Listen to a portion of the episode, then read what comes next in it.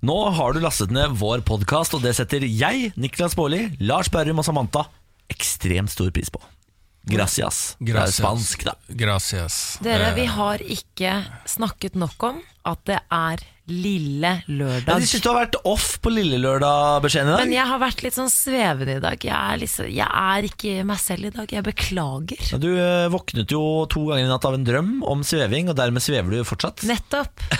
Men det er fortsatt lille lørdag, dere, og vi må gjøre noe med det. Lars, hva skal du, hvordan skal du feire? Eh, Jeg skal til Lillestrøm og gjøgle. Jeg blir ikke mye feiring i dag, altså, men jeg skal hjem, eh, sove litt, eh, kose meg. Ja, jeg setter pris på dagen. Jeg tror det jeg skal feire med, er å se frem til at i morgen så er det torsdag. Det er så å si helg. Det er sant. Det er helt riktig. Det Ukene går fort altså, når man jobber på dagtid. Lars har jo vært komiker hele sitt voksne liv, og dette er den første og sykepleier. Ja, men da den... jobba jeg bare kveldsvakter og jobba turnus, så da får man liksom ikke den hverdagsfølelsen. Hvor lenge jobba du som sykepleier? Eh, tre, tre år. Det var såpass, ja. Ja. Jeg trodde dette var den første ordentlige jobben din som du liksom har uh, hatt. Gær, dette er jo ikke en ordentlig jobb. Da jeg var sykepleier, så hadde jeg en ordentlig jobb. Ja, jeg beklager. Jeg legger meg flat igjen Ja. og sier beklager til alle der ute som har en ordentlig jobb. Eh, Jeg skal selvfølgelig ikke sitte her og tro at jeg har en ordentlig jobb. Det jeg. videregående engang, du har ikke fullført noen ting i livet. Nei, er slutt nå, da. Vær snill med meg. Det er eh, lille lørdag. Vær snill. Ja. Ja, men det var bare fakta. Ja, ja. det, ja, det var ikke skjent. Sannheten kan være hard. Kan du vite, Samantha? Nei, men herregud, kos deg med denne podkasten. Vi høres i morgen. Morgen på Radio 1. Jeg oppdaget noe i dag, og det var at eh, Eller det er jo iskaldt ute. Her i Oslo i hvert fall. Absolutt. Eh, Men det er, det var, hvis du ser ut, så er det faktisk begynt å bli blå himmel allerede. Mm, Jeg tenkte på det samme når jeg gikk her. Så tenkte jeg nå er det kaldt, Ja. og den vinteren er lang. Men det er et eller annet som heter uh, vår i lufta. Ja, ja. Ja, det er rart. Ja, det er minusgrader, det er heftig, men det er sant. Og jeg hører faktisk fuglekvitt. Jeg Ja. tenkte på det samme i dag tidlig. Altså. Jeg tror dere legger veldig mye godvilje til her nå.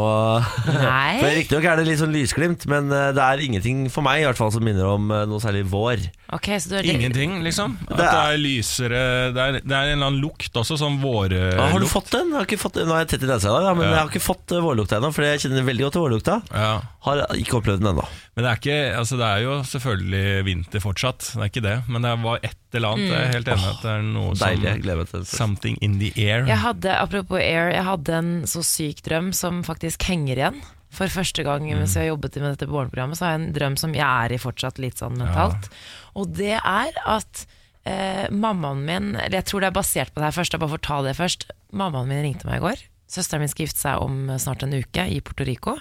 Så ringte hun meg og bare sa at hun eh, var stressa og glad og spent og alt mulig. At hun, det ble litt for mye følelser på en gang. Så smittet det litt over på meg. Så tenkte jeg herregud, søsteren min skal gifte seg, det er så mye som skal skje, og det er mye vi må gjøre der borte. Så jeg drømte i natt at hun tok med meg og søsteren min i en sånn hot air balloon, bortsett fra at vi holdt fast på et lite håndtak og liksom svevde ut i luften. Og jeg våknet to ganger i natt og falt tilbake i den samme drømmen, så jeg er sånn svevende i dag. Og litt stressa, for det var ganske ekkelt. Jeg stoler ikke på mamma, sånn sett, og jeg har flyskrekk. Jeg, det, det henger igjen. Ja, jeg? For en Ja, ja. påkjenning, Samantha. Sånne, henger, sånne drømmer henger igjen, ja. Ja. det er nydelig. Jeg har fått det veldig mye hvis jeg sover på eh, dagtid. Eh, sånn, sånn helt sånn ny opplevelse siden man starter tidlig på jobb. Ja. Og hvis man sover på dagtid, da har jeg fått sånn helt ny opplevelse av eh, Når jeg sover da, så er det helt sånn i drømmeland totalt. Og alle, de- mange av de drømmene har hengt igjen. Så jeg drømte noen greier Ja. om pappa og sånn, og da måtte jeg ringe Ja. bare ringe og bare sånn Jeg sa ikke det, men bare snakke om noe annet. Men bare for å bli kvitt drømmen. Ja, men det må jeg kanskje gjøre det. Jeg må, nå, om en halvtime eller en time så skal jeg ringe mamma. Og så skal jeg bare, for jeg må få det ut av systemet, for jeg blir ikke kvitt det. Yes, no. Noe av det deiligste i verden er jo å sove på dagen og være i den uh, tilstanden midt mellom våken og drømmene. Og drive og gå inn og ut av den. Det er altså som, et, eh, som en rus. Ja, det er Ja. deilig. Men det greier jeg ikke når jeg er oppe så tidlig. Da er det bare rett i tung, tung, tung oh, ja. drøm, drømmesøvn. Gjør du det på dagen? Så deilig, da. Oh, Ja, ja, ja. Om, ja. Oh, ja. Jeg har aldri gått så hardt inn i søvn, jeg. Noensinne. så jeg tror jeg liksom sånn, det er litt sånn hvordan det er å være død. Oi. Sove hardt på dagtid. Og det er ganske ålreit, det. Altså. Ja, så bra. Det var, det var veldig tidlig å snakke Hvis det ikke er om mareritt, da, Men da må du ha vært en slem person. Det ble fort mørkt. Men du Niklas, Nei, du ja. sa jo at du skulle Du la deg jo eh, klokka sju natt til i går. Ja, så har jeg altså, Jeg er jo den som har fått disse morgenrutinene til å fungere best blant Ja. oss tre. Jeg har vært flink til å legge meg tidlig på kvelden, og så har det på en måte bikka. Det har blitt for tidlig på kvelden. I går så ble det klokka syv når jeg la meg. Eh, Så i går så bestemte jeg meg for nå skal jeg være våken lenger. Eh, Og da gikk vi først i seng sånn rundt ti? Elleve? Men da klarte jeg plutselig ikke å sove, så nå jeg, har jeg bare sovet tre timer i natt. Eller sånn, og er eh, tett i nesa blitt av et eller annet merkelig grunn. Og så føler jeg meg sånn der, Jeg føler at jeg har vatt i hodet. Men det der er ikke bra. Jeg føler at du har blitt straffet for å gå imot det som kjennes naturlig for deg. Du må tilbake til å legge deg før Skal aldri gå imot min egen kropp og min egen hvorfor Du hadde jo så bra rutine, hvorfor skulle du ødelegge den opp? Det Liksom? var jo fordi vi mobbet han for at jeg sa at kjæresten hans måtte hjelpe han med å legge seg og sånn. og- Jeg la meg før Dagsrevyen, Lars. Det går- kan ikke leve med det. Kan ikke leve med å legge deg før Dagsrevyen. I hvert fall 21-nyhetene. jeg støtter det her, jeg, at du legger deg klokka syv. Jeg vet det. Du, du gir etter etter kollektivt det du tror er kollektivt press Det fra jeg tror side. Det er kollektivt press. Det var bare Samantha. Det var Individuelt press. Du kunne velge. Og jeg legger meg veldig tidlig, jeg også. Så det, Ja. Eller jeg gjorde ikke det i går, da. Men, eh, men ja. Ja, nei, jeg, jeg skammer meg, og Ja. på vegne av Eller altså til, kropp, mobbinga til kroppen min. Ja. Beklager. Ja. Eh, Du, jeg, jeg merker at du reagerer, at du ikke er fornøyd med dette her. Det tar jeg på min kappe, Ja. Tett i nese. Hører at du er tett i nesa. Ja. Fader, altså! Ja. At dette, at denne mobbinga di skulle ødelegge dette her, da, Samantha. Ja. Da gikk det så bra. Ja. Nei, men det sånn, var jo eh, bare fordi vi er like. Det er jo ofte sånn, at, sånn der. At man mobber eh, Man egne. mobber fordi man forstår hvordan det er selv. dere var like. De var like var Dere like. hadde gode rutiner begge to, men nå har dere ikke lenger. Nå er Nei, det jeg, bare vet, jeg, ble som også straffet i går. Jeg ventet, men det er noe som skjer. Hvis du legger deg for sent, så går du over en eller annen kneik, og da får du ikke jeg fikk, eh, Hvis det hjelper, så la jeg meg også litt for sent i går, for jeg skulle se nyhetene, og så plutselig var klokken sånn halv elleve, og jeg fikk heller ikke sove. Tvang eh, kjæresten min til å ikke se ferdig Champions League for at han måtte legge seg, for han forstyrrer meg når han kommer og legger seg. Fikk han ikke se ferdig United-kampen? Nei, de røk ut. Ja, det var det jeg så. Det har han sikkert lyst til å se. Nei, han er Liverpool-fan, så det går fint. Ja. Og jeg kan si på slutten her at uh, til dere begge to at det er bra at dere har eh, lagt dere veldig veldig sent. Jeg kan garantere at jeg har lagt meg senere. Ja, Hvis det har hjelper. Du har ikke sovet i natt, du heller? Jo, jeg har sovet eh, sånn som Time jeg eller alltid to, gjør. Jeg la meg eh, halv ett. Ja. Jeg er fornøyd, ja. Bra, Lars. Ja. Veldig bra, Lars. Vi skal snart ha Kygo og Sasha Sloan her i morgen på Radio 1. I dag så har du altså en godtepose av en sending foran deg. Du skal få morgenquizen som vanlig. Vi skal få besøk av Dagny. Og det blir slampoesi og parterapi. Jesus Christ, vi har eh, mye greier på tapetet. Vi setter i gang, vi. Morgen på Radio 1. Dere, jeg lurer på, kan vi ikke avgjøre om denne personen er irriterende? Eller fantastisk? Dette er noe av det jeg liker best å gjøre. Ja. Avgjøre om folk er irriterende eller fantastisk. Eh, for det er en fyr som skrev en klage som dikt til eh, Norwegian. Ah. Mhm. Det er en misfornøyd kunde skrev et eh, kritisk dikt til Norwegian på Facebook, liksom fordi at eh, eh, han eh, eh, måtte betale ca. 1150 kroner i avgift for å endre navn på flybilletten sin. Ja. Ikke sant? Så da tok han til uh, motmæle og uh, formulerte et dikt på hjemmesiden som fikk mange likes. Ja. Og Norwegian svarte med dikt, og han slapp å betale denne omregistreringsavgiften da til slutt. Eh, det er jo en sånn der, artig, fin, sånn typisk sånn eh, tv2.no-sak. En sånn gladsak. Ja, sånn gladsak. Men jeg kan ikke hjelpe med å få et lite sånn hunch av at det er litt irriterende. Ja, altså det er, min, Mitt mareritt er å sitte på SoMe-desken til disse selskapene og måtte svare alle disse idiotiske innleggene som kommer. Ja. Uh, spesielt hvis det kommer i diktform og sånn, og får mange delinger. For da kreves det plutselig at du skal være så vittig tilbake. Ja. Hvis du svarer Delta, så taper Norwegian. Ja. Dette, jeg har jo stått for et, et sånt innlegg som her som har gått sånn viralt en gang før. ja vel. Eh, Jeg skrev innlegg på Rema 1000 sin side når de fjerna Urge fra hyllene. Ja. Eh, Havna på Dagsnytt 18, havna på TV 2-nyhetene. Altså det var ikke måte på. Eh, da tapte eh, Rema 1000, for de ga meg et vanlig seriøst svar tilbake. Og så kom Coop inn i samme kommentarfelt og ga et morsomt svar. Mm. Så Coop fikk sånn eh, 1000 delinger på sitt svar. Mens På Rema Rema 1000 1000 sine egne sider. Ja. Ohohohoi. Men her er det jo en eh, Det er en sånn amerikansk eh, musiker, tror jeg det er. Eh, 27 år gammel musiker, vet ikke om han er amerikansk, men han heter eh, Gus. Det er amerikansk for meg. Som skrev dette diktet. Ja. Eh, og jeg eh, syns jo det er eh, Man skal jo litt sånn sånn Å, det er fint å hylle det i hverdagen, men han er jo ikke sur nok. Han fortjener jo ikke å få tilbake disse pengene. Tenk på alle de som har skrevet inn på Norwegian sine hjemmesider, som virkelig har vært rød i trynet. Det er jo de som fortjener eh, å få noe tilbake, ikke de som har masse overskudd. Og, ja, det hadde vært litt artig gimmick, kanskje jeg kommer i avisen.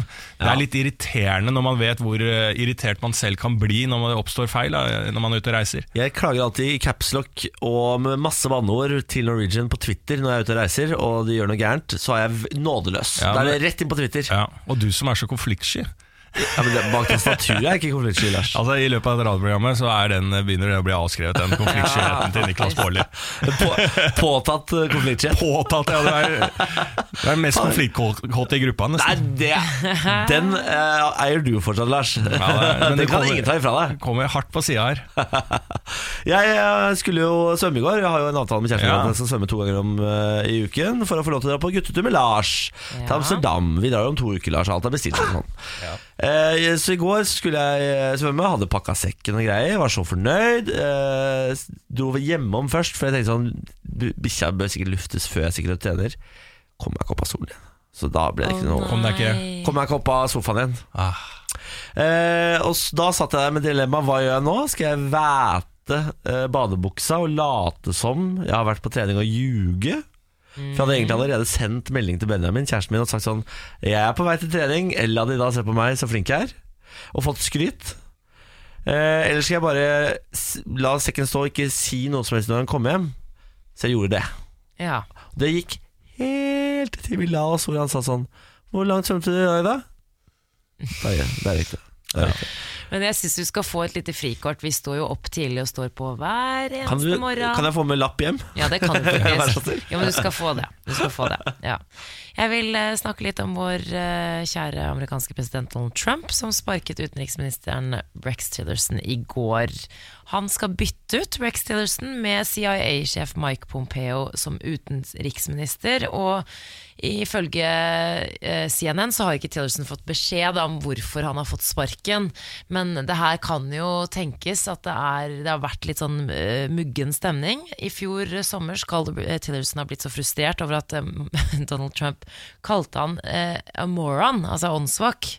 Og så har det vært litt dårlig stemning, og har fått, han har liksom visstnok fått hint om at han bør trekke seg selv, da, men det vil han sikkert ikke, så Trump ah. ga han fyken.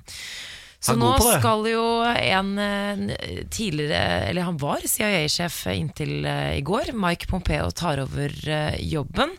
Og en som heter Gina Haspel skal bli den første kvinnelige CIA-sjefen. Noe som er veldig bra i seg selv. Men Gina Haspel er kjent fra CIA fra før. Hun måtte gå av i flere stillinger pga. Mistanke om bruk av torturmetoder som waterboarding. Som er sånn Ja, ja, drukningstortur. ja, ja, ja, sånn simulert drukning, ja. Ja, så her skjer det mye, men vi har eh, Donald Trump hadde en liten eh, tale i går. Vi kan jo høre hva han eh, hadde å si. I've worked with Mike Pompeo now for quite some time. Tremendous energy, tremendous intellect. We're always on the same wavelength. Uh, the relationship has been very good, and uh, that's what I need as Secretary of State. I wish Rex Tillerson well. Gina, by the way, who I know very well, who I've worked very closely, will be the first woman director of the CIA. She's an outstanding person who also I have gotten to know very well. So I've gotten to know a lot of people very well over the last year. Han sier at han har gotten to know a lot of people. Det er helt sant, for han har byttet ut en tredjedel av staben sin nå. Da, da, da står det noe på, skal jo ha for det. Og det er jo hyggelig at alle skal få være med. Det er som eh, i barnefotball, alle skal få være innom banen ikke sant, Ja, før kampen er over. Ja, ja, altså, det er koselig. Det synes jeg var raust av Trump, da. Slitsomt å ha sånne intervjuer mens flyet Ja. uh, har starta i bakgrunnen, eller helikopter, eller hva faen det er som går i bakgrunnen der, og så bare Tar du et lang kommentar på dette her nå, eller Trump? Ja da, et lite øyeblikk. Ja, ja, Ja, ja, ja, ja. Det er forferdelig. Tremendous Stakkars intellect. Morgen på Radio 1. Vi kan snakke litt om en eh, skoleelev som er dømt til fengsel for å forfalske legeerklæringer nå. Oi da. Ja, eh, Det var en elev på Bjørnholt skole i Oslo som frykter for å stryke i eh, flere fag, og tenkte sånn ah, Fader, hvordan løser jeg dette her? Jeg får noen til å lage falske legeerklæringer. Så han eh, ringte en kompis som hadde gjort dette tidligere. Kompisen lagde fem legeerklæringer på 14 dager. Leverer det til skolen. Skolen tenker dette var rare greier. Så anmelder de han for dokumentforfalsk. Og så blir han fader meg dømt! Og Det er det jeg syns er så vilt her. At eh, skolen for det første velger å anmelde en fyr som er da eh, såpass ung, og det er, eh, det er Dette Hvor gammel er han? er liksom Det var siste året videregående. Å ja. Eh, Blitt 18, da. ja. Eh, og han får da altså en 14 dagers betinget fengselsdom og en prøvetid på to år. Grunnen til at det blir betinget, er fordi eh, han ga han uforbeholden tilståelse, og fordi det hadde tatt lang tid før saken kom opp for retten.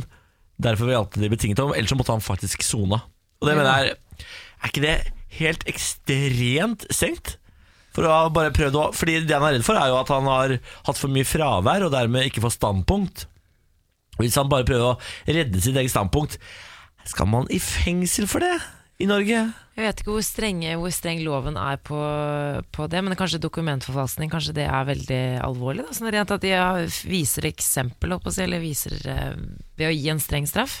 Ja. Hva får man hvis man slår ned noe på videregående? Det er vel ikke Nei, det er, jeg tror ikke det er 14 dagers betinget fengsel. Jo da, jeg kjenner eh, noen, håper jeg kjenner til noen som måtte sone både med fotlenke og hei og hå for å Har slått ned noen på videregående? Ja, det har vært noen slåsskamper og sånne greier. Ja, det har skjedd. Er det sant? Ja. Herregud, er det ikke slåsskamper hver dag på videregående skole? da? Det blir ikke- Filmer det Jo, hvis ikke du blir tatt, da. Ja. Hvis du blir tatt. Nei, det er, jo, det er jo selvfølgelig strengt, men eh, det er jo Det er jo det som er litt brutalt med å bli 18, sånn, slik jeg husker det også. For man plutselig eh, fra å være 17, der du er bare en liten drittunge i alles øyne, og så plutselig blir du 18, eh, så er du på en måte med en gang Nå er du voksen. Ja. Nå er du voksen, så bare sånn Ja, men det her var litt sånn uskyldig. Ja, i fjor, ja. I fjor var du uskyldig å forfalske. I år så er det faen meg alvor å forfalske. Du skal inn, du. Ja. Ja, så jeg skjønner, jeg syns det var det er ekstremt strengt. for men- strengt, altså. Men det må kanskje være det. Jeg aner ikke. Jeg kan ikke dette, Niklas! Nei, Politiet ber alle rektorer anmelde elever som leverer inn falske legeerklæringer, og ha en klar beskjed til dem som vurderer å jukse. Elever som velger å bruke denne fremgangsmåten, bør være klar over at det er straffbart og kan få betydelige konsekvenser for dem, sier politiadvokat Nordha Nordhagen. Ja, ble et eksempel, han ble et eksempel. Ja, det- ja, det er Alltid det verste å bli tatt og bli et eksempel. Han ble faktisk eh, den første som har blitt dømt for dette. Jeg så en ekstremt øh, Jeg vil si morsom og oppsummerende hendelse i går. Hva? Ja vel. Ja. Jeg eh, var på vei til eh, Latter, for jeg hadde standup der i går. Og så på vei ned, så var det Jeg dro ned litt sånn der etterrushet på vei hjem fra jobb kom, på en måte. Ja. Så var det en eh, mann som gikk eh, med en kaffe to go i hånda. Og så fikk han et eh, som de fleste kanskje kjenner seg igjen i etter denne eh, vinteren vi har hatt i år, som har vært verdens lengste eh, vinter. Så gikk han bortover, og så glei han litt, ikke sant? sånn som vi holder på hele tida. Sånn småglid, justereglid, sånn derre! Og så! Tryner ikke, men hele kroppen er i spenn. ikke, men du kan Du bare ah, Gikk ryggen nå, eller fikk jeg kink, eller ting går bra. Sånn holder man jo på, sånn har man jo gått i flere flere måneder nå. Ja. Eh, så gjorde personen dette, fikk en sånn glid, eh, ikke sant? og så eh, spratt jo det mye kaffe opp av denne to go-koppen. Eh, og han stopper og liksom ser ned, og da har han fått masse kaffe over hånden. Nei. Så står han bare blir han stående og stirre på den hånda, mens han, jeg ser at han puster og er så lei av å gli. Ja. Han er så lei. Altså, dette, dette var toppen eh, av kransekaka for hans del. Nå, nå var han så lei. Og han, Istedenfor å prøve å ta bort kaffen, ta den koppen i en annen hånd og få rista seg, han står bare og ser på dette her. Og jeg kan se da en mann som teller til ti.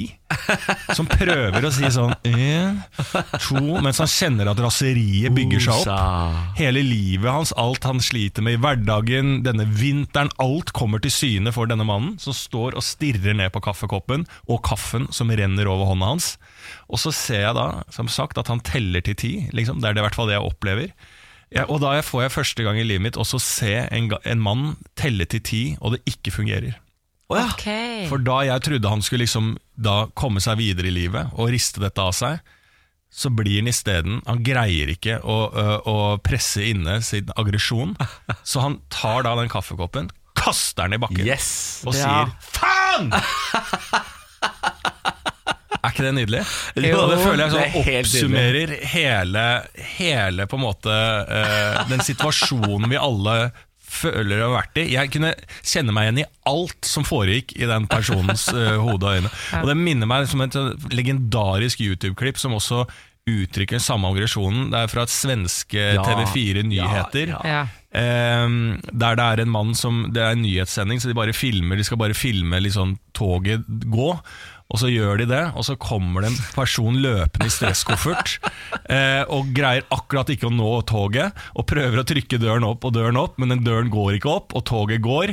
Og han har også en sånn fantastisk eh, eh, Der man kanskje rister skulle tro man skulle riste det av seg, men isteden så sier han 'Men faen!' Ja, den, Det den er så frustrasjonen gøy. der er så eh, gjenkjennbar og nydelig. Det var et av de første klippene jeg tror du viste oss, eh, Lars, da vi begynte med dette radioprogrammet. Det er Ja. Helt fantastisk. Et utrop uten like. Vi eh, skal snakke om en litt eh, anspent situasjon mellom Russland og Storbritannia. Nå, Ja. Det ulmer etter at en russisk ekspion og hans voksne datter ble forgiftet med en russiskprodusert nervegift. Og statsminister Theresa May har gått hardt ut, mener at det er Russland som står bak, og har gitt de en frist på 36 timer på å svare for seg. Den fristen har gått ut. Og nå sier hun at, hun vurderer sanksjoner. Da. Nå er det ulike sanksjoner eh, som vurderes, og det skal visstnok være alt fra utvisning av diplomater. Også at eh, disse russiske oligarkene som bor i Storbritannia, fratar de fordelene deres. Og også snakk om en boikott av fotball-VM i Russland. Og nå har eh, Storbritannia truet også med å forby den statsstøttede russiske kanalen RT. Og Russland truer da tilbake med å måte kaste ut alle britiske journalister og russiske medier. Så jeg lurer litt på hva som kommer til å skje her nå, for det virker som ingen av sidene vil gi seg. Det er tredje verdenskrig på gang. Ja vel. Ja, ja. Det er den eneste konklusjonen du har. Vi skal alle dø. Ja. Det skjer nå. Nå kommer det. Russerne er over grensa snart. EU er fortapt. Atomkrig i morgen. Ja. Takk for alt. Lars, du har jo sagt at russerne kommer ganske lenge nå. Ja, ja, ja. Jeg har sagt det siden jeg var syv år. Han, vet, han har, han har visst, han, Lars er et år foran oss. Ja. Ja. Flere år. Flere tiår. år. Flere tiår. Jeg er langt inn i fredsprosessen. Jeg, jeg er langt inn i etterkrigstiden. Morgen på Radio Dere, 1. nå må vi ta de flotteste stemmene på oss. Hei. La oss gå inn i Zen, Serenity Now, som George Costanza ville sagt det. Og så hopper vi inn i Tenketanken. Tanketenken. Lars. Rett ut av boksen. God morgen. God morgen. Hva er egentlig det gode liv? Ah, godt spørsmål. Takk for det. Det er et uttrykk. Det er Sokrates tror jeg, som stilte det spørsmålet. Det gode liv. Det gode liv. Det er jo så- I sånne ting så er det så kjedelige svar, er det ikke det? Det er Men er liksom det sånn subjektivt? Helsa er god, og Ja, men det er jo det økonomien gode er for deg. ubekymra. Ja, fordi man kan jo være fattig, frisk og lykkelig, men eh, ikke rik, syk og lykkelig. Ja, det er Så- sant. Så penger er ikke nødvendigvis Økonomien er nødvendigvis ikke så viktig oppi dette. Nei, men det har ofte en sånn eh, Hvis du bor eh, midt inne i jungelen og ikke opererer med penger, så må du også allikevel ha en verdi i forhold til økonomi på ressurser, da, i forhold til mat, i forhold til tilgang på vann f.eks. Så den type ting, hvis jeg legger det i økonomi, så mener jeg at det er en viktig del for å oppnå det gode liv. Da. Jeg vil si det gode liv må være barndomsårene. Det er der jeg tror alle liv piker. Er det sant? Tror du ikke det?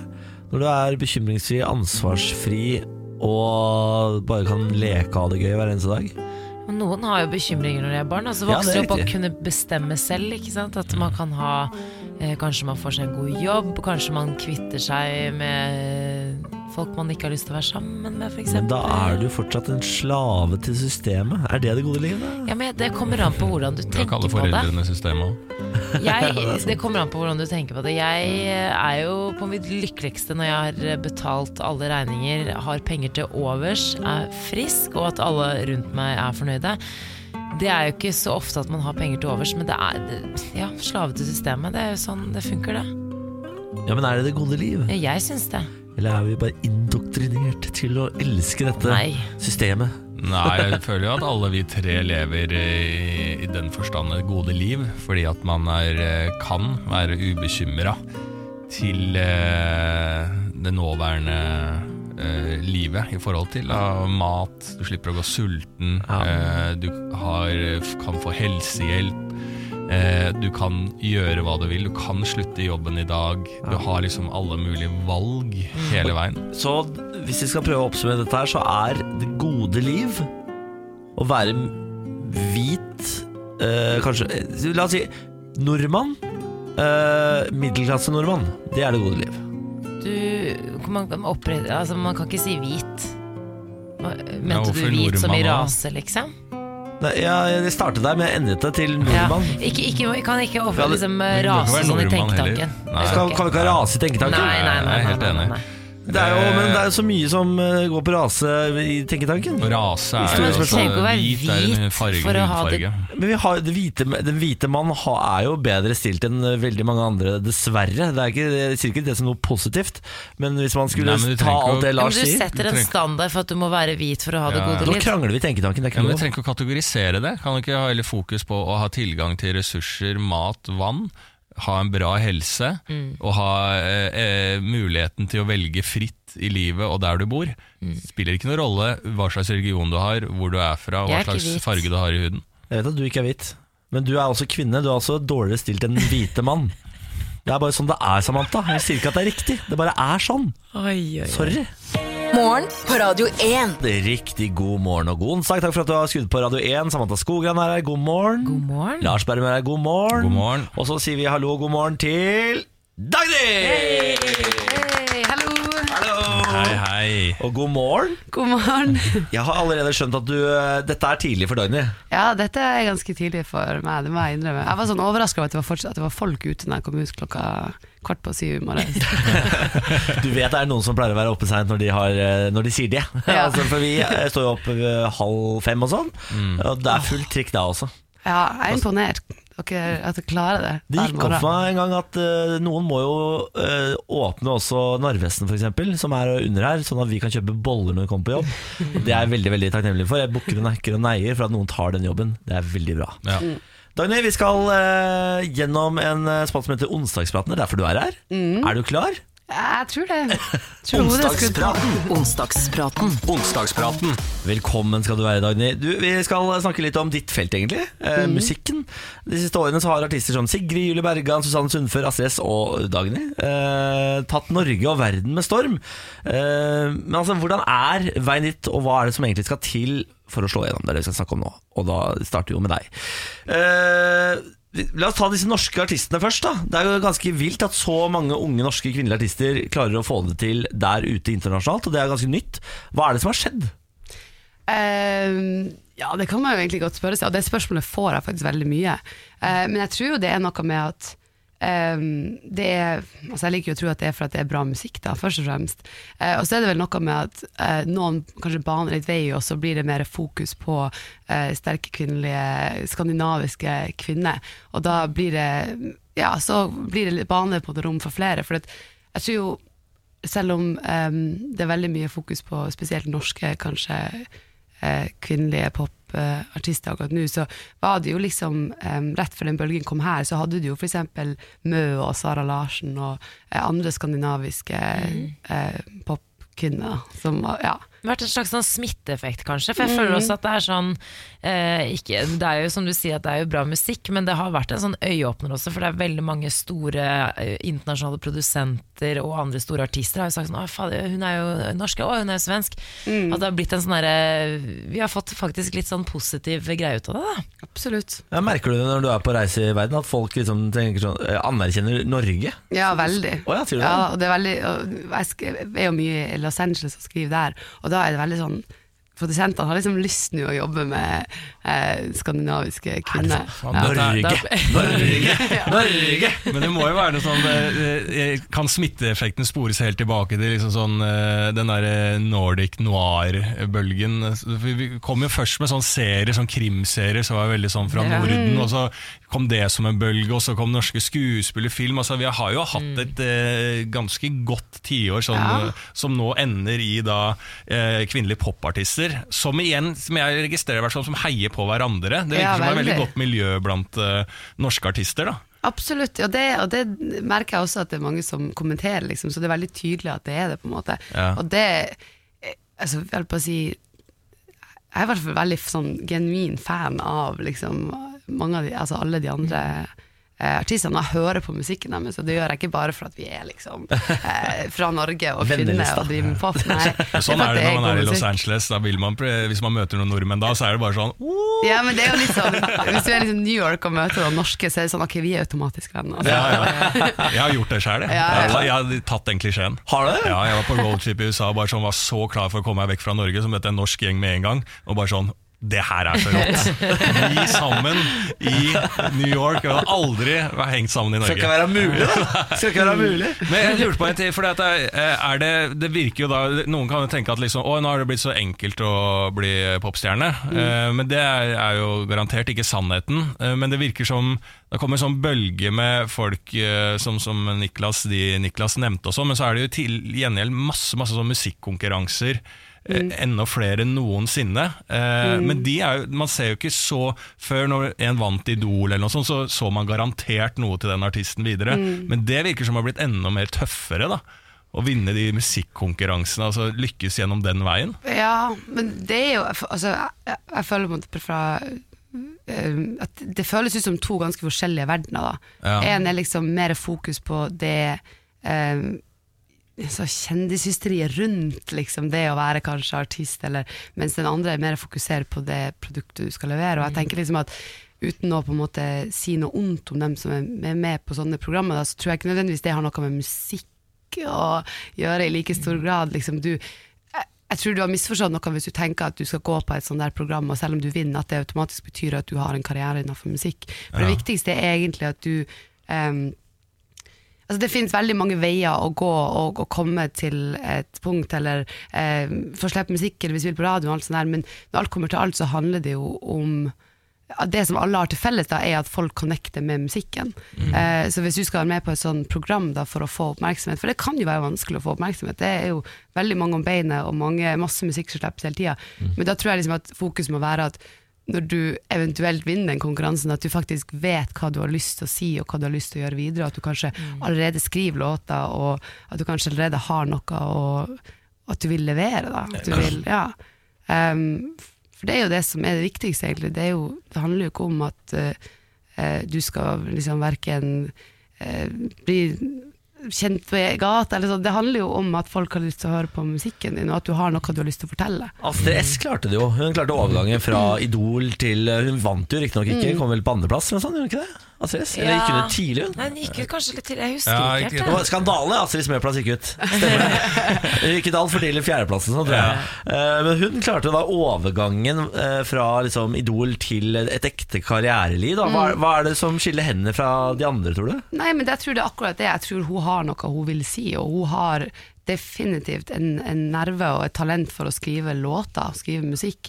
Eh, og så er jo selvfølgelig altså, vi, har jo, vi har jo eksempler på ting som altså Kurt Nilsen, liksom. Vant ikke han da? Han har jo òg skapt seg en karriere og gjort mye forskjellig siden da, liksom. Så det Ja. går jo absolutt an, men det som skiller dem og alle dem som kanskje du ikke hører noe mer fra, er jo kanskje nettopp det at de har en veldig sånn sterk identitet i forhold til musikken de lager, og de har noe de vil si, og de um, um, Ja, nettopp. De vet hva, hva de er, og hva det er de liksom prøver å formidle. Da. Ja, Astrid S, jeg tror hun brukte jo litt tid på det, på liksom Ja. å finne den greia. Og når hun først slapp musikk, så slapp hun kanskje ikke det alle hadde forventa at hun skulle slippe. Liksom. Nei, sant, hun, jeg husker, hun bygde opp en enorm hype før Hun gjorde en sånn Byland-konsert før hun hadde sluppet noe som helst. Og da var alle sånn «Åh, Herregud, Astrid S fra fra Idol er jo helt rå! Hun er jo ikke bare sånn der er. Idol-deltaker. Hun er jo artist. ja. Så Det var da Bylarm faktisk kom med noen ukjente. Nå er jo Bylarm sånn Selv de yngste. Det er bare sånn eh, Å, det er en eh, bergensk jente som er syv år gammel som synger på Bylarm. Og bare sånn Å, jeg oppdaga henne for første gang. Nei, nei, hun er allerede signa. Hun har vært signa i syv år hun har, siden, siden hun ble født av So- Sony. Morgen på Radio 1. Vi har besøk av International Superstar Dagny. Hei! God morgen, Dagny. God morgen. Du er med i Onsdagspraten. Onsdagspraten. Onsdagspraten. Vi har vært gjennom eh, den norske supersuksessen i utlandet musikalsk. Nå skal vi bytte tema ganske brutalt, vil jeg påstå. vi skal over til politisk korrekte leketøy. Barbie-produsenten har lansert Frida Kahlo som Barbie-dukke i en serie som heter Sheroes. Sheroes. Ja, Ganske bra navn, ja. Ja. Ja. Eh, Som da skal bestå av kvinnelige rollemodeller og helter. Dette har provosert eh, Salma Hayek, som uttalte at eh, Frida Kahlo aldri ville vært tilhenger av Barbie om hun levde i dag. Eh, Hun har da dyttet dette ut på Instagram, fått 191 000 likes, 3600 kommentarer. Eh, Går greit, den posten der. Ja.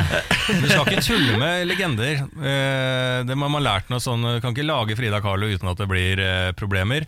Også som Justin Timberlake eh, hadde hologram The Prince, ja. av Prince. Det er også blir rabalder. Men det var fordi Prince hadde uttalt at han aldri ville være hologram. Og Ja. det bare dreit til Justin Timberlake.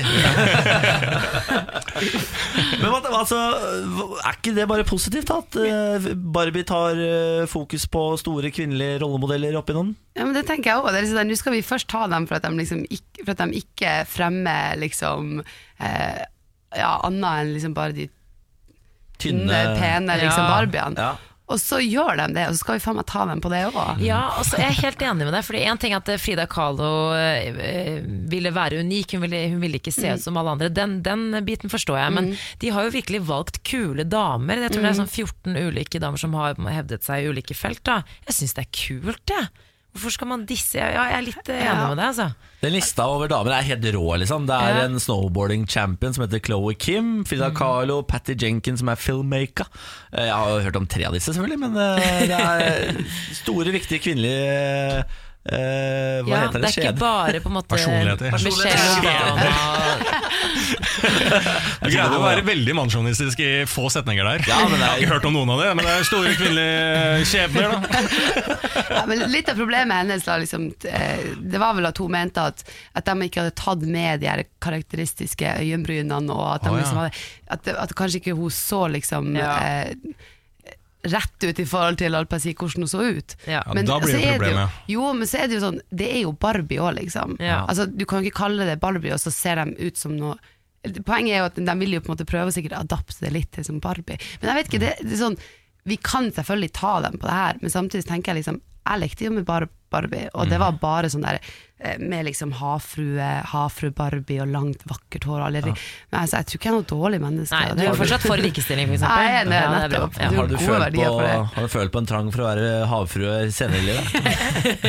Ja, det, kanskje der det kommer fra. Uoppnåelige ting eh, som havfrue. For det, men det slår jo fast at Barbie-dukker ikke har noen særlig påvirkningskraft for eh, barns holdninger. Men det, det er vel noen som tenker Jo, ja, men det er vel sikkert noen som tenker også at uh, barbiene uh, At eh, de kan ikke bare eh, Endringen kan ikke bare skje ved at de tar og lager en kolleksjon nå av Mm. eh, viktige kvinnelige personligheter, og så er alt greit. De må være tjukke også. De må være Vi kan ha en normal Vi kan starte med en normal kroppsfasong, da, okay.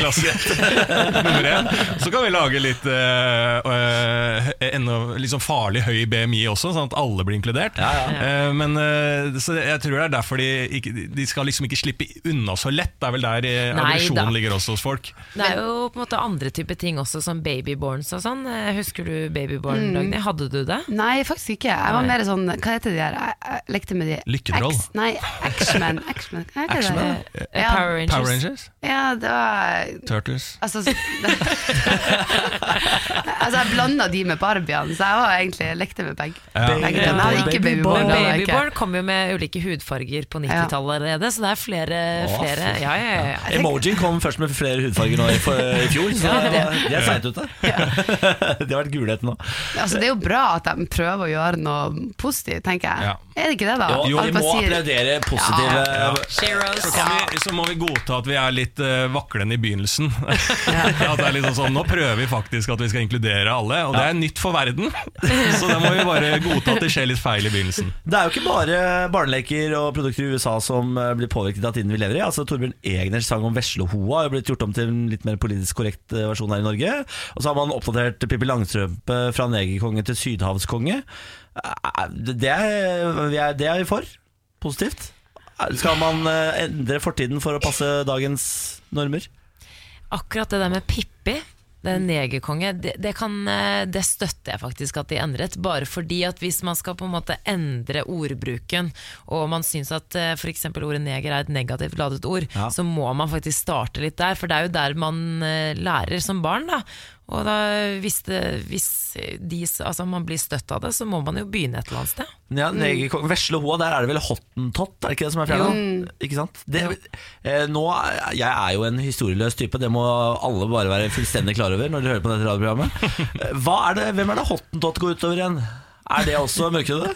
Nei, men Det er jo en negativ betegnelse. Det er jo litt som eh, eh, neger, eh, tror jeg. At I forhold til at det er en, eh, et, eh, en negativ betegnelse eh, på mennesker som man ikke trenger å bruke i dag når man har lært litt ting.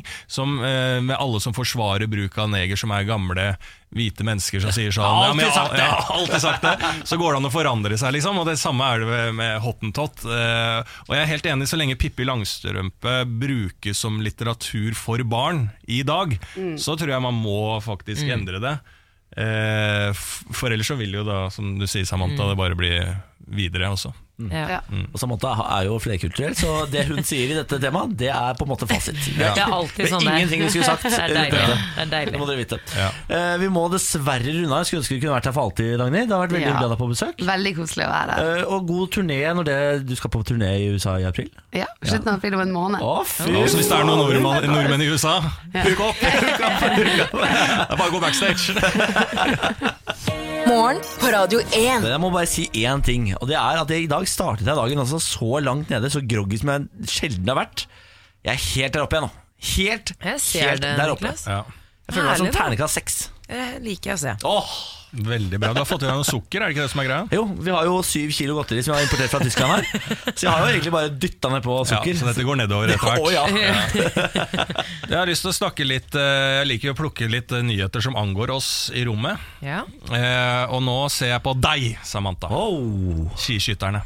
Oh. De har gått ut og ønsker seg vill fest i Holmenkollen til helga. ja, det er farlig. Ja, og, ja, for det er eh, Jeg tror ikke Emil Hegle Svendsen uttaler seg, faktisk. Nei. Men uh, det der Bø-brødrene og Bjørndalen uh, har vært ute og sagt at sånn Vi vil også ha det sånn.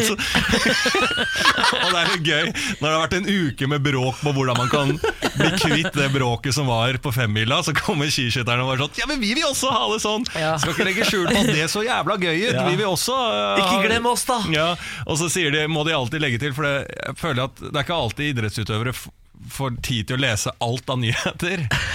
så det er sånn det, det føles som i alle sitatene så har de hørt om at det har skjedd noe som var litt over grensen. Så de sånn alltid sånn, Vi vil også ha det sånn, men altså, vi skjønner at det er no, litt problemer der. Liksom, men men det, det går bra. Eh, vi vil også ha det sånn. Også, dette er jo ikke noe som ikke kan løses, eh, sier Bø-brødrene. Og det er veldig enkelt å ordne opp i det problemet som har vært. Det er bare å ha eh, øltelt. Så han ene Bø-brødrene Sa det? Ja, altså han mener at det skal være øltelt oppe i skauen der. da De er søte, da. Løsningsorientert, om ikke. Nummer én, de, de, ser ikke, eh, de greier ikke alltid å få med seg alle nyheter. Nummer to, de har ikke drukket så mye. Eller vært på sånne gutteturer. Eh, for det er sånn Men eh, kan vi ikke bare ha noen øltelt oppe i skogen der, og så drikker To ikke folk så mye? Ja, to bonger. Nei. kjære Bø-brødre, der er det fritt område i skogen, og folk har drukket i flere døgn, faktisk. Ja, for det, det som er med de, er at de er jo så vant De er vant til stor publikum i utlandet. For Ja. der er det jo eh, alt fra Det kan være alt fra 20 til 50 000, ikke sant. Mm. Mens i Holmenkollen, der de går jo nesten ikke der hvor eh, løperne gjør. Holdt på å si langrennsløperne gjør under femmila. Nei. Så det er ikke det samme greiene. Og så er det litt morsomt fordi Niklas Dyrhaug nå på søndag jeg tok jo imot en vaffel. Det var veldig fint klipp. Johannes Klæbo tryna etter å ha tråkket på en ølkorv. Men jeg mener det er sånn femmila i- i Kollen skal være. Ja, ja. Og en som blir eh, takla av en dritings eh, En svenske som blir takla av en dritings nordmann. Sånne tilstander skal det være. Yes. Holmenkolltilstander. Så jeg legger helt på slutten bare en liten apropos, det jeg egentlig burde kanskje brukt tida mi på, er å si at Bjørndalen før OL faktisk vurderte å ta hviterussisk Det det så jeg. Og det betyr Wow. at jeg diskvalifiserer han som nordmann. Jeg beklager, Bjørndalen, men heretter vil jeg alltid anse deg som uh, foreign. Oh ja, det vil Nei, jeg. men Hvis han Foreign. vinner oppe i Kollen nå til Nei. eller han tar en pallplass, så heier du Ja, på ham. Han bør være hviterusser. Han bør, være- ja, han han være sånn det der, sånn der russiske laget som fikk gå under OL uten det norske flagget. Han bør ha sitt eget lag. Tenk deg å vurdere å gå for Hviterussland! Ja. Men så er- glad er han i skiskyting, da. Ja, Det hjelper ikke. Nei. Hvis du er dumpa fra Norges landslag, så skal du, da skal du tilbake på treningsbenken. Og du skal trene og trene og trene til Norge finner deg god nok. Så skal du tilbake. Ja. Ja. Dere, Engelskene mine begynner å bli dårlige. What? Mamma er uh, Få høre, da. Slutt. What you say? Okay, What you let's say, take- what you say. Can, What can, you can we just take this uh, Of moment course. in English? No problem. If you So, if you still feel that your English is very bad, uh, Samantha, uh, uh, when you hear my English, uh, And I feel no sorry for you. Yes, yes, yes. Don't worry. What, what is the problem, Ja, Samantha? problemet er, The for å problem. forklare på I don't- norsk I don't først understand you. Nei, Talk to our international jeg skal gjøre det etter hvert. Jeg skal få, skal få høre. Okay. Mamma er fra USA og Mexico. Jeg har alltid pratet engelsk i heimen. True. True, true that. Eh, Og vokabularet mitt har blitt ganske dårlig. Nå er det jo over ti år siden jeg flyttet hjemmefra. Jeg snakker med mamma, eh, ikke daglig, men nesten. Men det er ikke det samme som å bo sammen. And you talk in uh, American? Ja, jeg har amerikansk aksent. What happened to your vocabulation? Men det her hjelper dere. Det her hjelper min selvtillit. Yes. Eh, skal skrive en, eh, I disse dager, jeg har snakket om det at jeg skriver en tale til søsteren min, må holde den på engelsk, fordi 80% av bryllupet er engelsktalende. Writing a speech, yes. Eh, jeg snakker jeg, jeg merker at når jeg skal forklare noe, også når jeg er i USA og besøker søsteren min sammen med mamma, da snakker vi alle tre engelsk. Jeg, jeg klarer ikke å ut Jeg er ikke meg selv. Jeg klarer ikke å uttrykke det jeg vil si på Let's hear. Samantha Fox. Let's hear. Nei. Come on. Nei, vet Yes, du hva. the rest of this How nervous uh, is Min aksent eh, Yes. Er fortsatt ganske bra, vil jeg si. Men ordene, vokabularet, det er helt borte. Jeg, klarer ikke, jeg, jeg bygger opp setninger som dere gjør. Ja. Man bygger det opp på norsk, bare på engelsk. Men Samantha, nå er det altså én uke til du reiser. Ja. Så nå har vi én uke til å intensivt snakke engelsk her på radioen. Og det, vi skal ha én gang om dagen skal du snakke dagen. engelsk. Jeg er med på det, men jeg må få lov til å forberede meg, for jeg blir helt svett. her No, you can't uh, Jo, vi skal gjøre det fremover nå. Uh, I morgen så skal vi ta en liten engelsktest uh, okay. av noe slag, og jeg kan teste eh, noen setninger, et eller annet, så kan dere se hva jeg mener. ok? Samantha, I'm looking forward to uh, be a part of your English lessons. Yes. Wow, den var ikke dum. Likte at du sa vocabulation. Vocabulation. Det var bra. My vocabulation skal du kritisere meg? Jeg har ikke forstått et ord av det du sier, jeg, for du snakker norsk. Uh, det er uh, dårlige nyheter nå, folkens. Jeg har ikke Jeg, jeg bare si det umiddelbart at jeg bare lest halve overskriften her. Okay. Men eh, det er, står i rød skrift, med tjukk skrift, på tv2.no.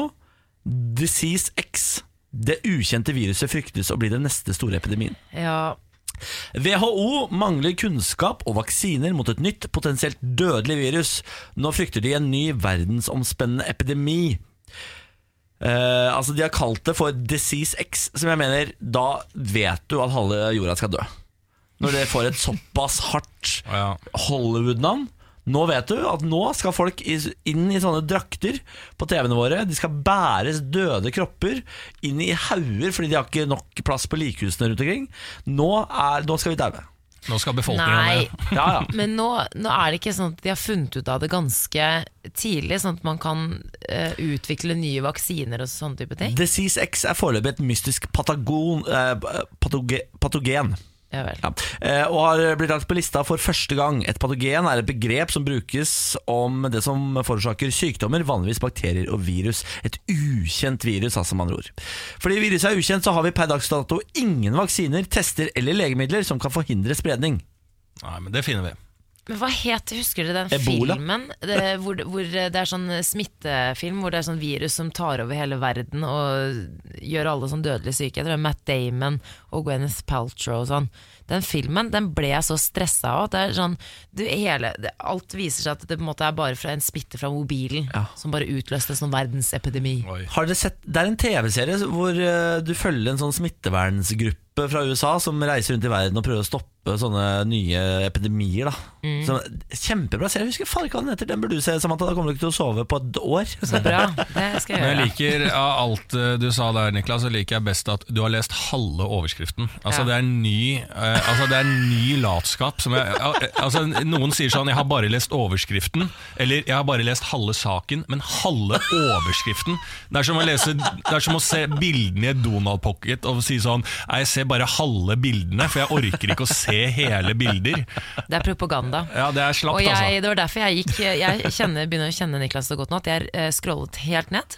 Helt ned til den saken, Ja. og så at uh, dette gir på en måte mulighet til å utvikle Ja. uh, vaksiner Ja. og komme med diagnostikk og sånne Ja. type ting. Men Røttingen sier viruset kan utgjøre stor fare i Ja, Norge. Men du, du, du er kilden til fake news, Niklas. Så til alle som ble stressa der ute, eh, det er bare å lese hele overskriften og hele saken, så ser du at dette her kommer til å gå bra. Ja. Ja, jeg skal Start med hele overskriften, i hvert ja. Jeg skal begynne å bygge bunker nå, eh, hvor jeg har alt jeg trenger, for nå går det under. Morgen på Radio 1. Du, vi skal i gang med en ny runde. Lars Bærums morgenkviss. Tre spørsmål kastes til quizlaget. Niklas Baarli og Samantha Skogran, har dere et quizlagnavn? Det har vi. Tommy har vært innom eh, radio1.no på Facebook og gitt oss quiznavnet Det svir når vi quizer. Det svir når vi quizer, ja. Det tok litt tid, men ja, jeg, den, Jeg liker det den var veldig bra. godt. Ja, veldig bra jobba, Tommy. Veldig bra jobba. Ja, så da ble det lagnavnet. Yes. Det er tre spørsmål, som sagt, og så får dere alle svarene til slutt. I går så ble det tatt i å jukse. Nei, På, På live måte. eh, radio så tok Niklas eh, Baarli opp eh, telefonen og helt tydelig prøvde å google etter svar. Det var ikke lurt. Samantha eh, fant plutselig eh, ut et svar ut av det blå, så her var det mye juks. Og dere ble jo straffa i går. Jeg håper at dere har lært dette til i dag, at det ikke blir noe juksing. Trond skriver på Facebooken vår forresten i går, etter dette, denne incidenten, så skriver Trond eh, Tar man fram mobil på en quiz ute, og quizmasteren ser dette, blir man disket og har- havner dermed på null poeng. Så her er Lars snill. Det hører til historien at det var en melding fra produsenten Nå stopper vi, Niklas. Det er, du, du kan ikke forsvare alt. Noen ganger må man i livet si 'jeg beklager'. Ok, Jeg legger meg flatt der, Lars. Vær så god. Veldig bra. Spørsmål nummer én. Hvilken bokserie gjorde at Stig Larsson ble berømt etter sin død? Den eh, serien har jeg lest. Det er annet Menn som hater eh, kvinner, tror jeg. Det er Millennium-triologien. Åh, jeg elsker deg, Samantha Skogran. Jeg har jo ikke lest en bok i mitt liv, vet du. Du hørte bok, og så falt du av? Det er riktig. Jeg har, jeg har, eller det stemmer ikke. Jeg har lest én bok, og det er Naiv super. Så- var den bra? Nei, jeg, jeg måtte Jo. Naiv super... Altså Erlend Lo? Ja, ja. Jeg, det, det var et radioprosjekt. Erlend Lo tvang meg til å lese Naiv Super, så han ringte meg sånn en gang om dagen og sa sånn, har du lest ferdig, har du lest ferdig, har du lest ferdig? Når jeg var ferdig med den, så måtte jeg gi terningkast til Erlend Lo. Ga han terningkast to. Erlend. Lo tvang deg til å lese den? Ja. Hvorfor det? Fordi han hadde hørt at jeg ikke hadde lest en bok, og da sa han sånn, du skal lese Naiv Super. Og så, ja, det var et radioprosjekt. Ja. Ja, Godt at jeg har lest eh, et par bøker. Så Millennium-trilogien, Ja. så er det vi, da. Absolutt. Spørsmål nummer to. Hvilket arabisk land har flest innbyggere? Ah, det er ikke en av disse oljestatene, for de har veldig få folk. Hvilket arabisk Eh. land har da flest innbyggere? Arabisk Men du husker at vi, at vi svarte Hva var det vi svarte? Vi hadde, vi hadde et spørsmål om Afrika, hvilket som var det største landet i Afrika, eller noe? Var det ikke det? Nei, det var der vi, vi Ja Var ikke det noe sånt nå? Jo Arabisk unnskyld, hva var spørsmålet igjen? Arabisk. Altså, Ja. vi, hvilket arabisk land har flest innbyggere? Men det er artig å resonnere litt rundt eh, Afrika Ja, for jeg husker at jeg tror kanskje Var det ikke sånn at et av de- de landene At Algerie var liksom det største landet? Men det er jo, her er befolkning. Ja. Det Jeg er noe lurer på om vi er, annet, sikkert er vi i Pakistan? Ja, for dere er det på- arabisk land? Pakistan? Hva er det som er arabiske land? Hvilke land er det som er arabiske land? Hjelp meg litt her Men nå. er det ikke Jo, men det var Er Pakistan et arabisk land? Fader, nå tenkte jeg faktisk på noe annet, jeg. Hva tenkte du på, da? Nei, jeg tenkte på Nei, det er geografisk, det er ikke det. Jo, men da er det øh, Er det Nei, Pakistan er ikke det. Arabisk? jeg Jeg- føler at jeg ah, bommer jeg er helt, altså Kjente verdensdelen Arabia. Tyrkia Ja. er jo arabisk. Arabere. Hvor mange Jeg må si arabisk for, for andre Ja, men det er jo arabere i Afrika også, så jeg tenker på det øverste der hvor alle Ja? kommer ifra når de håper å si, eh, Eller er Tyrkia europeisk? Det, det er jo delt i to uh, Ja. Tyrkia er jo både EU og okay, Europa vi må bare Asia. ta noe. Skal vi ta, uh, men nå, nå, spurte, nå sa han jo det for en grunn, da. Nei, altså Jeg bare jatter med. Dere, Ja, dere har jo ikke sagt én fornuftig ting. Tyrkia, vi.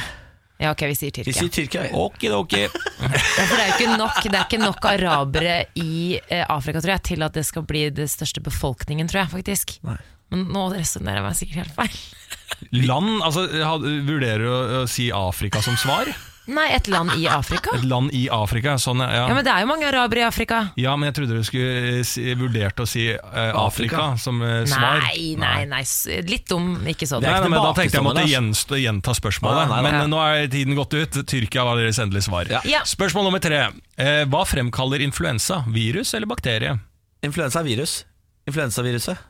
Ja, det Ja, er virus. virus. Fordi jeg har en type som nettopp hadde det, og det er jo ikke noe du kan ta antibiotika for. Nei. Du måste bare rida den av. Ja. Rida den ut. Ja, rida den ut, rida Spørs, den da får vi alle svarene, da, folkens. ut, ja. Eh, Spørsmål nummer én var da hvilken bokserie gjorde at Stig Larsson ble berømt etter sin død? Husker du hva hun kvinnen het? da?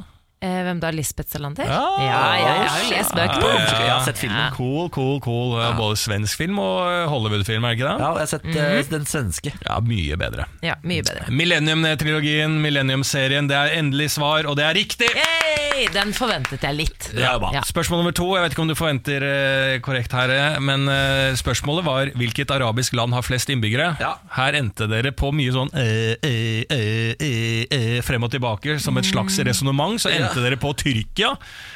Egypt er riktig svar. Ah, det var jo faen ikke så gærent med Tyrkia, sa- da. jeg sa, det var et eller annet, men jeg var inne på det, da.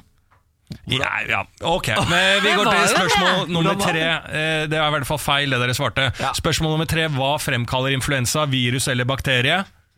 Der sier vi eh, Hva hva- hva var alternativet igjen? Vi sa virus. Hva, virus, eller Virus, ja. bakterie? Vi sier virus. Ja, det er helt riktig. Å, var bra. Det var bedre i dag uten juks. Sant? tre. Hva- Jeg gjorde quizen litt enkel i dag. Nei, det Nei! gjorde du ikke, Jo, jeg gjorde det. Nei, Selvfølgelig, dette her bør jo greie. igjen. Nå, jeg orker ikke. Vi har to av tre, og vi er stolte av det. Enkelt. Morgen på Radio 1. Eh, En liten sak rundt vår alles kjære Røkke. Kjell Inge. Kjell Inge. Kjelli, Røkke. som jeg kaller den. Kjelleren. Kjelleren. Kjelleren, Kjelleren Røkkeren. Eh, Røkke, altså det er jo interessant, for han har jo vært litt i media det siste. Han kommer liksom fram med noen avlyttinger og noe torpedovirksomhet, og det er ikke det altså, altså, Plutselig forsvinner altså, Jeg husker VG avslørte når han hadde kontakt med sånn torpedo. Det var sånn ja, Når VG klinker til med sånne saker som har en egen eh, sånn layout, Ja. og sånn, da skjønner man Grafikk at og ja, hvis man er den personen de har eh, skriver sak om da, så er man fucked. Den forrige jeg kan huske, var når de hadde tatt han advokaten som hadde og pressa folk for penger og sånn. Ja, ja, ja, ja. Han også hadde innlegg at Ja. han sitter fortsatt i fengsel. Ja. ja. Det, det gjør ikke Røkke. Røkke kom seg ut av det på snedig vis. Det virka som enten at eh, de journalistene ikke hadde så mye eh, skytt som de trodde de hadde. Eh, i hvert fall, ja, Det endte i hvert fall fint for Røkke Ja. enn så lenge. Men så er det en ny sak som dukka opp nå med Røkke. da Og den er veldig vanskelig, så okay. nå skal jeg forklare den. Ja. Røkke eh, er jo da eier i Aker. Ikke sant? Og så Aker har 175-årsjubileum. ja. Eh, slik jeg forsto det. Eh, og så da skulle det bli lagd en bok. Jeg henger med. Ja, det skulle bli lagd en bok, ikke sant? Eh, og der var det en egen forfatter som skrev, eh, skrev boken, og et eget forlag. Ja. Eh, Røkke ville, etter å begynt å krangle da med forlaget og forfatteren, ikke gi ut denne boka. Eh, Forlaget ville gi ut den allikevel. Ja, jeg henger med. mm. Røkke legger da boka gratis ut på nett. Lurt. Ja, for eh, han er i krangel. Da skal i hvert fall ikke forlaget få noe enerett på dette. Jeg legger den gratis ut på mine nettsider. Morgenbladet avslørte da, etter at denne boka ble gitt ut da, mot Røkkes vilje, eh, at det er direkte sitater fra leksikon og Wikipedia i denne boka. I deres anmeldelse så var sånn Dette her er jo veldig rar bok hvis jeg har jobba så mye med den, og fire millioner har blitt utbetalt fra Aker til å lage denne boka, og så har de liksom bare copy-pasta fra Wikipedia og det norske leksikon. Eh, Det er jo slett arbeid. Eh, Da, for, da velger forlaget, som har vært så harde på at denne boka skal gis ut, de trekker den da etter én dag i salg. Oi. Røkke blir med på det og tar den bort fra nettsiden sin. For da er den jo ikke lenger der ute. Det er jo ikke vits for at Røkke har den ute på nettsiden for å straffe forlaget, for de har jo da driti seg ut Ja. om å trekke den sjøl. Da trekker eh, Røkke den også, så da er boka borte. Ja. Og da skulle man tro at Røkke var fornøyd. Men så er det dette med Røkke og avlytting, da. For nå viser det seg at forlagssjefen har avlytta Røkke. Hæ? I private møter. Er det lov? Ja, det var liksom sånn, Jeg tror det er lov, og de, disse avlyttingene er sendt da til aviser og alt sånt, for da er jo sikkert Røkke vært frittalende igjen, da, slik han var med torpedoene. Så Røkke har jo ikke lært av at han, kan faktisk bli avlytta, eller blir faktisk avlytta hele tida. Ja, åpenbart. Ja, eh, Så nå er dette saken, og dette her blir jo veldig spennende å følge videre. For nå er det jo saker frem og tilbake, for Røkke er jo nokså irritert, som er forståelig, Ja. av at han blitt avlytta. Ja. Ja.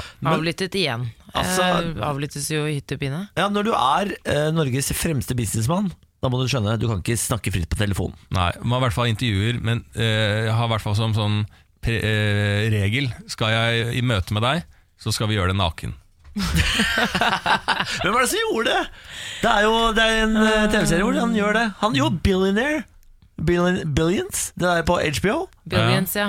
Han har jo eh, møter i badstua for å eh, hindre avlytting. Ja, det hadde Ja. jeg også gjort. Det er veldig bra. Sylvi Listhaug tyr til tastaturet igjen. Justisminister Sylvi Listhaug la, eh, for de som ikke har fått det med seg, da, ut et innlegg på Facebook. Hvor eh, det var et bilde av væpnede krigere, hvor hun skriver da at Ap mener terroristenes rettigheter er viktigere enn nasjonens sikkerhet. Og dette var da en reaksjon på at Arbeiderpartiet stemte mot et forslag om retten til å frata statsborgerskap fra mennesker som de mener er en trussel for rikets sikkerhet. Dette innlegget har skapt furore. Og vi har ikke hørt fra Sylvi Listhaug. Hennes rådgiver har sagt at hun har vært opptatt med en budsjettkonferanse og ikke hatt anledning til å uttale seg. På, I går kveld så la hun ut et nytt innlegg hvor hun eh, skriver at det aldri var hennes hensikt å såre noen, og at hun aldri mente at det innlegget eh, Hun tenkte ikke over at det kunne kobles til Utøya-terroren. Det er jo mange av de pårørende og som har også reagert på dette at det ble lagt ut på en dag hvor Utøya-filmen skulle eh, eh, skulle legges ut, rett og slett, eller eh, lanseres. Og jeg vet ikke, hva syns hun om at hun, at hun skriver eh, det på Facebook? Det er det en beklagelse? Hun har, hun har vel egentlig ikke sagt unnskyld? Hun Nei. sier bare at det ikke var meningen å såre noen. Nei, men Listhaug kommer vel aldri til å si unnskyld for noe hun får kritikk for. Det, er vel, det her er vel det nærmeste Listhaug kommer til å, å beklage noe som helst. da At hun sier at det aldri var meningen å såre, men beklager ikke handlingen. Det tror jeg hun alltid vil forsvare. Ja, det pleier jo Det å operere sånn. Ja. Men eh, det at hun eh, beklager nesten på Facebook, syns jeg bare Det synes jeg er greit. Det er jo der alt startet, og det er jo der hennes følgere er. Så hvis hun skal snakke til sine egne følgere, som jo eh, kanskje er de som trenger å se den beklagelsen, så er det jo det det perfekte plattformen Ja, å men gjøre det det på. er ikke det, for hun har ikke sagt unnskyld. Og hun har heller ikke slettet det forrige innlegget. Jeg syns det er altfor dårlig. Sammen med Solberg. Hun har fått kritikk for å ikke eh, vise ta, liksom, ja, eh, si nok ifra da, til Listhaug også, og beklage på vegne av regjeringen. Jeg syns det er eh, feigt.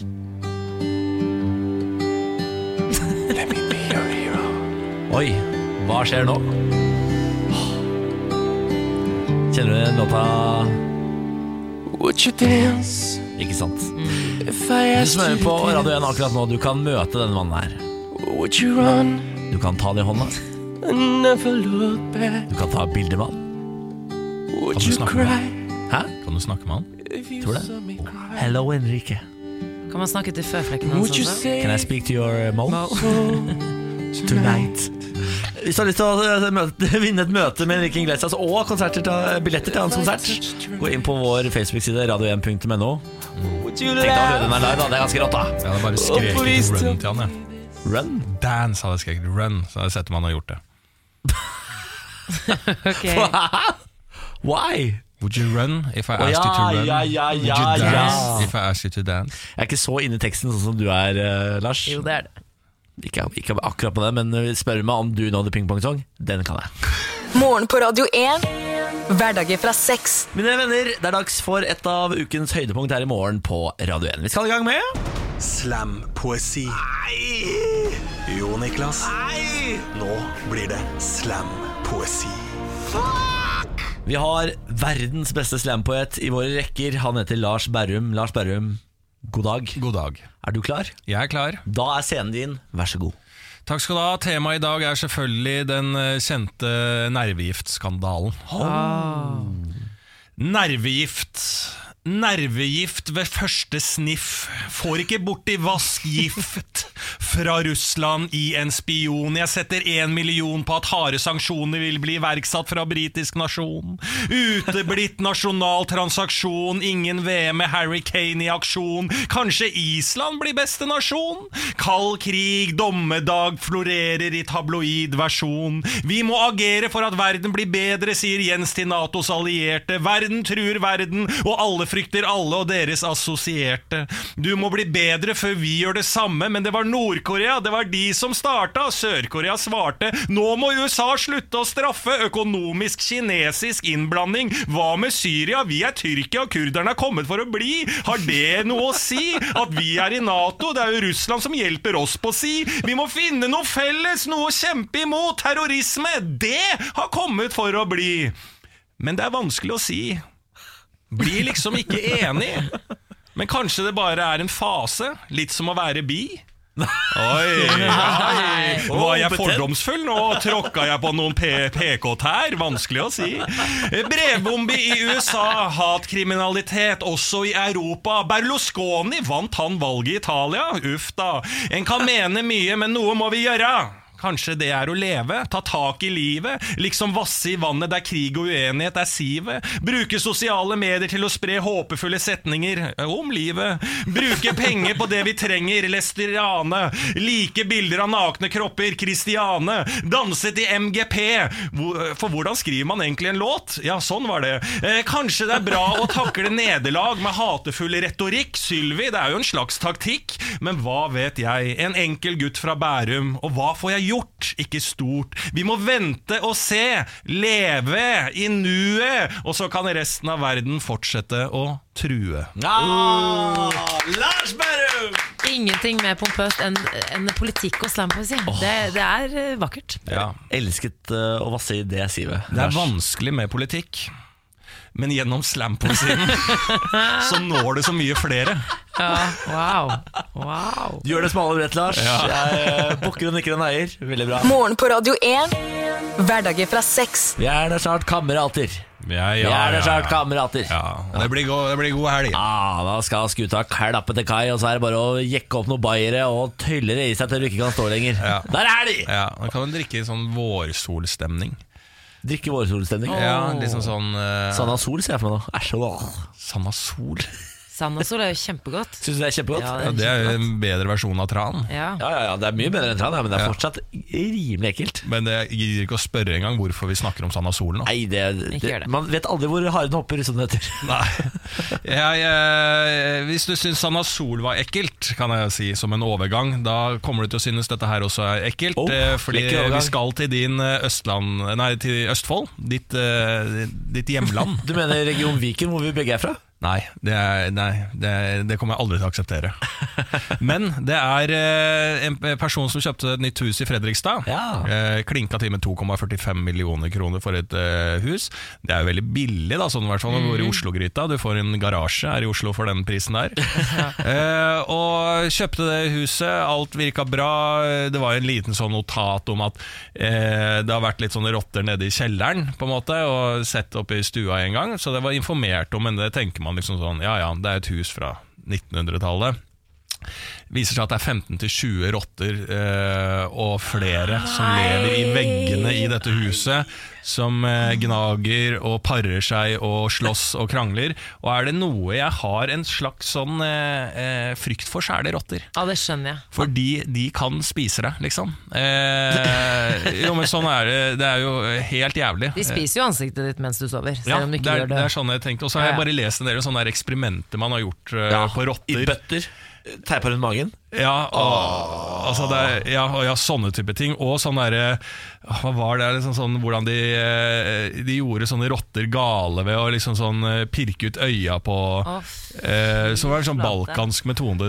Pirka ut øya på rotter, og så slapp de ut en sånn at den ble blind, for da blir det sånn kannibalsk, så spiser du opp de andre rottene. Sånn at du blir kvitt rottene rundt i eh, husene og sånn. Nei, nei, nei, Ja, så det er veldig mye sånne Og at eh, de binder sammen rotter, så fungerer de med én hjerne. Altså det er, det er så mye nasty du kan lese om rotter. Um, men eh, denne personen fikk jo da rotter i eh, huset sitt, fullstendig kaos. Tok jo dette til tingretten, for å, dette her eh, mente at det hadde blitt eh, lurt. da eh, Fikk ikke medhold. Der var det sånn Så lenge det var nevnt at det var rotter her, det er et hus som er fra 1900-tallet, så er saken closed. Ja. Forsikringsselskapet slipper unna, og selgeren. Eh, og det er litt sånn obs, obs til deg som eh, kanskje vurderer å kjøpe og leie. At man skal være litt nøye og stille ubehagelige spørsmål, sier en person i denne saken. At man idet man får litt sånn sånn Ja, det har vært litt rotter nede i kjelleren. Så må man gå inn Ok, men hva? Og få nesten sånn dokumentert spørsmål og svar, og gå litt i dybden for å sikre seg til en eventuell slik sak. da Men det er jo alltid vanskelig, for man er, det er jo alltid litt sånn ubehagelig å stille spørsmål. Ja, Man føler seg litt sånn eh, vanskelig Ja. eh, når man stiller spørsmål. Bare Eh, gjør det. Men eh, eierskifteforsikring, jeg trodde det skulle dekke de greiene der, men du nevnte at forsikringa slipper unna også? Ja, dette, her hadde personene på det reine siden det var nevnt. da eh, Og så var det Uheldig nevnt kanskje type, litt vagt, men altså, hva er vagt og hva er ikke? Dette er, blir jo bare en vurderingssak. Vi sender vår dypeste medfølelse til mannen som bor med rotter i Fredrikstad. kaller vi han her etter. Ja. Ja. Kvinnelig trener i Eliteserien er utopi. I, har dere hørt om serien Heimebane med Absolutt. Ane Dahl Torp og Jon Carew? Der spiller jo Ane Dahl Torp eh, hovedtrener for et, eh, et eh, herretopplag i fotball. Eh, og hun blir da uh, Norges, Norgehistoriens første kvinnelige trener. Lederen for Serieforeningen for kvinnefotball, Hege Jørgensen, går nå ut, og hun tror at det er lenge til at det, det blir virkelighet. Det er en ekstremt sterk mannskultur i mannefotballen, og det handler om holdninger og eh, ja, hvor skal man starte? NFF har startet eh, arbeid for å på en måte bane vei da, for at flere kvinner skal kunne bli trenere, men det er ikke nok. Det må gjøres noe med holdningene, da. Først så kan vi jo starte med, eh, i norsk eliteserie, da, hvis vi snakker om det, så kan vi starte med at en par stykk tør å si at de er homofile. Ja. altså sånn I forhold til kultur, at det, det er lov å være homofil eh, fotballspiller. Vi kan jo starte der. Eh, og så, eh, inn, i forhold til å ha kvinnelig trener, så kan ikke jeg skjønne hvorfor jeg, Hun der som er ekspert på NRK tidligere Lise Klavenes. Jeg mener Lise Klavenes. Rett inn landslagstrener. Ja, det er rått. Ja, for vi i Norge er så akterutseilt eh, i herrefotball, så nå må vi revolusjonere litt her. Og jeg tror vi hadde fått en ny giv, jeg, og det mener jeg også fordi at hun er ekstremt dyktig. da Eh, Bra ekspertkommentator, liker hun veldig veldig godt. Eh, få hun inn som sjef, da er vi i tillegg kanskje det første herrelandslaget som har en kvinnelig sjef gjennom historien. sykt kult. Eh, som vi gjorde med Gro Harlem Brundtland. Angra ikke på det, gjorde vi det? Nei. da, jo, Kanskje du, Niklas, men eh, Vi angra ikke på det. Og så eh, kline til nå med Klaveness som herrelandslagssjef. Det tror jeg hadde gitt en så bra eh, eh, giv inn mot spillerne for å prestere for å bevise at en kvinne eh, kan da, selvfølgelig, men vi må jo bevise for verden og, og sånn, at en kvinne, kvinnelig sjef kan gjøre underverker. Norge til EM eller VM for første gang på mange mange år med Klaveness som sjef. Det hadde vært rått. Det hadde vært, Amazing. det hadde vært uh, rimelig rått, faktisk. Ja. Jeg heier på dette. Ja. Jeg, jeg, jeg synes Hvorfor gjør man ikke sånn? For det? Ja, men hvorfor gjør man ikke sånn? Jeg irriterer, aldri skjønt Ja, er- hvorfor man ikke gjør sånn At det alltid må være sånn Siderumpa ser ikke absolutt alle at det hadde vært en kul måte å gjøre ting på. Jo, men er Ser ikke alle- sånn, det, er en, det er bare én ting som lugger der, og det er at uh, man sier sånn nå kan det ikke gå dårligere. At nå, vi har ingenting å tape. Nei, jeg- Inn med dame. ja, men, nei, men jeg la det litt så jeg, jeg, jeg prøvde i hvert fall å skille litt mellom det, at vi er Ja. så akterutseilt uansett, og så mener jeg at hun er jævla dyktig eh, som ekspertkommentator og fotballfaglig. Og så synes jeg allikevel at jeg tror det hadde gitt en så giv til hele landslaget, og det tror jeg kanskje er det man trenger. Og så skjønner jeg ikke at vi ikke gjør mer sånn i en nasjon i verden der man bare flytter litt grenser. Fordi at man får jo så mye gi hver gang de grensene flyttes. Og som eh, homofil Det er jo en, en keeper i hvert fall som eh, sier at han er homofil i Eliteserien. Eh, eh, og det er jo så mange andre som også er homofile, men at ikke man går ut nå, gjør det, og så liksom For vi er jo der i 2018 at nå vet vi at vi får hjelp og eh, støtte. Ja, ja, Jeg tror vi er klare de for det. Jeg tror ikke man skal undervurdere spillere og sånt. Selvfølgelig, det er definitivt en, eh, noen holdninger der som må Noe er jo gjøres siden eh, ikke noe folk med. tør å si det. Jeg tror vi er klare for det. Ja, Ja, ja, vi heier på dere, absolutt alle sammen. Ja, Klavenes, herrelandslagstrener, og så en utrolig gøy assistenttrener. La oss gå med den troppen til EM eller VM. Det hadde vært utrolig gøy. Morgen på Radio 1. Takk for at du har skrudd på Radio 1. Det blir vi altså så varme og gode og mjuke i hjertet av. Du skal vite at du gjør dagen vår bedre. Men kan ikke vi gjøre deg enda bedre, da? Jo, det syns jeg vi skal. Ja, jeg ser hvor du skal. Du skal vel inn i parterapien, da? Ja. Ja, hva er dette for noe, Lars? Du, dette er jo en eh, Kanskje radioprogrammets viktigste spalte, eh, der vi har kontakt med Benjamin, kjæresten til Niklas Baarli. Eh, får han til å sende et lydklipp til oss med et problem de har internt som gjelder Niklas. For å da hjelpe Benjamin til å ha en bedre person i hus. Niklas Baarli. Ja. Skal vi høre på dagens problem, da? Gleder meg. Hei Lars, og god morgen. Jeg har jo eh, nok et issue til parterapi denne uken, eh, som jeg setter veldig pris på at jeg kan ta opp. Eh, og det er Niklas sin vegring mot å komme seg ut av leiligheten. For vi blir jo ofte invitert med på, med på ting og events og sånne ting, og jeg syns det er jævlig gøy å dra på. Niklas eh, syns at sofaen ofte frister veldig mye mer. Så hvordan kan jeg liksom dra han med på dette uten å være masete og kjip for hans del? Ja, sofagrisen, promperen. Cheese-doodles på magen og døtte, døtte, døtte. Prompe, prompe, prompe, se Netflix, Netflix. Ja, Gaming, gaming. Urge, urge, urge. Ja, jeg ser, hvor, eh, jeg ser hva Benjamin har å slite med. Jeg vil jo eh, tenke meg, for jeg, slik jeg kjenner Benjamin, kjæresten din, så er jo han Han er litt eventkåt. Det, Han han, liker, ja, han liker det å være, liksom, bli invitert til ting. ja, ja. Eh, Er ikke fremmed for en rød løper. Han elsker det. Det er det beste han vet. Ja. Eh, Så dette er jo et behov han har, eh, som ikke du har i det hele tatt, eller? Det er riktig. Du har dukka opp på sånne elfester, har jeg sett. Ja, jeg har vært på Elfesten et par ganger, men det er fordi Rett og slett fordi det var spennende første gang, og andre gang fordi det blir så god radio av det. Ja. Og kunne snakke om at jeg er på Elfesten, og at jeg er helt matplassert er der. helt Som jeg jo er. Altså helt, helt matplassert. Det er veldig gøy, en gøy opplevelse. Ja. Eh, men disse, jeg vet hvilke event han eh, henviser til, for det var sånn firestjerners middag-fest. Ja, den ble jeg også invitert på, middag, ja. ja. Ja. Og så var det Stian. Blipp-premiereshowet. Jeg ble ikke invitert. så det er disse to eventsene som eh, vi har vurdert å dra på. Hvor jeg har sagt sånn Det kan dra på Stian Blipp var vi på vei til. Endte på puben ved siden av fordi det var så utrolig mye folk der. Ja. Men eh, ok, eh, så eh, det er litt sånn sånn Har du vært med i Firestjerners middag? Ja, Ja, du har det, ja. ja da. Ja. Mange år siden. Ja, ok, Men for å gå til problemet her, da. Eh, er du, sier du alltid nei, eller er dette en sånn tendens du har? Jeg sier ikke alltid nei. Vi, vi har et par sånne faste i året som vi drar på. Den der VG-lista Rådhusplassen er gøy. Dit drar vi. Og så har vi Det er gratis alkohol, er Det er gratis alkohol, ja. Er, og Elfesten der jeg er på, da, men der får ikke han bli med. Så får ikke pluss én. Ja, de er jævla gjerrige på pluss én på Elfesten. Ja. Eh, Der er det også gratis alkohol. Det er liksom kravet mitt, er det skal være gratis alkohol. Hvis ikke så gidder jeg ikke. Nei, men uh, har du, kan du egentlig Jeg ser litt sånn mulighet på at her kan du liksom bare bli litt bedre og være med litt oftere. Er ikke det veldig enkelt å svare ja, den skal jeg ta?